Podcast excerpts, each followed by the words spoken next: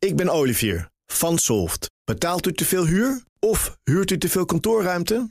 Solft heeft de oplossing. Van werkplekadvies, huuronderhandeling tot de verbouwing. Wij ontzorgen u.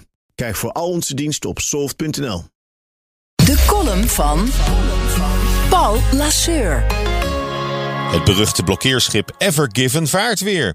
Dit weekend voor het eerst voer de mega containercarrier weer zonder problemen door het Suezkanaal. Ruim een half jaar nadat de boot halverwege dat kanaal dwars kwam te liggen, alle scheepvaart dagenlang tegenhield en daarmee een groot deel van de wereldhandel platlegde. Honderden vrachtschepen zaten vast in de file, waardoor veel bedrijven uiteindelijk pas weken of maanden later dan gepland hun goederen geleverd kregen. Het 400 meter lange schip is nu alweer fluitend op weg naar China, alsof er nooit iets is gebeurd. Maar de juridische nasleep van het ongeluk zal de rederij nog lang achtervolgen. De Suezkanaalautoriteit, SCA, alleen al eiste een half miljard dollar aan schadevergoeding en bergingskosten.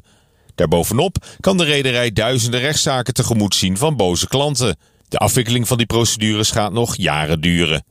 De noodlottige blokkade van het Suezkanaal in maart staat niet op zichzelf. De internationale containervaart krijgt de een na de andere tegenslag te verduren. In juni ging een van de grootste havens van China bij de miljoenenstad Shenzhen een week dicht door aanscherping van coronamaatregelen. Logistiekbedrijven zijn nog steeds uit alle macht bezig om de achterstanden die ze daardoor opliepen weg te werken, nu de volgende crisis zich alweer aandient. Ook de haven van Ningbo, een van de drukste containerhavens ter wereld, heeft te kampen met een corona-uitbraak en is sinds woensdag gedeeltelijk afgesloten. De problemen in de internationale containervaart stapelen zich zo hoog op dat de logistieke puinhoop nauwelijks is te overzien. Met als gevolg dat de prijzen van het containervervoer compleet door het dak gaan. De prijs van een zeecontainer Shanghai naar Rotterdam is sinds vorig jaar nagenoeg vertienvoudigd. Van 1400 dollar in mei 2020 tot bijna 14.000 dollar nu. Het kan niet anders of die prijsverhoging zal op termijn ook aan de eindconsument worden doorberekend. En dat lijkt me een goede zaak, want hopelijk hebben we eindelijk een keerpunt bereikt en kan hiermee het einde van een tijdperk worden ingeluid. De tijd waarin de markt werd overspoeld met scheepsladingen plastic rommel uit China, omdat het toch niets kost. Bijna gratis geproduceerd in de werkplaats van de wereld, daarna zowat voor niks op transport, tenslotte voor een bodemprijsje gedumpt, hier in onze koopverslaafde consumptiemaatschappij.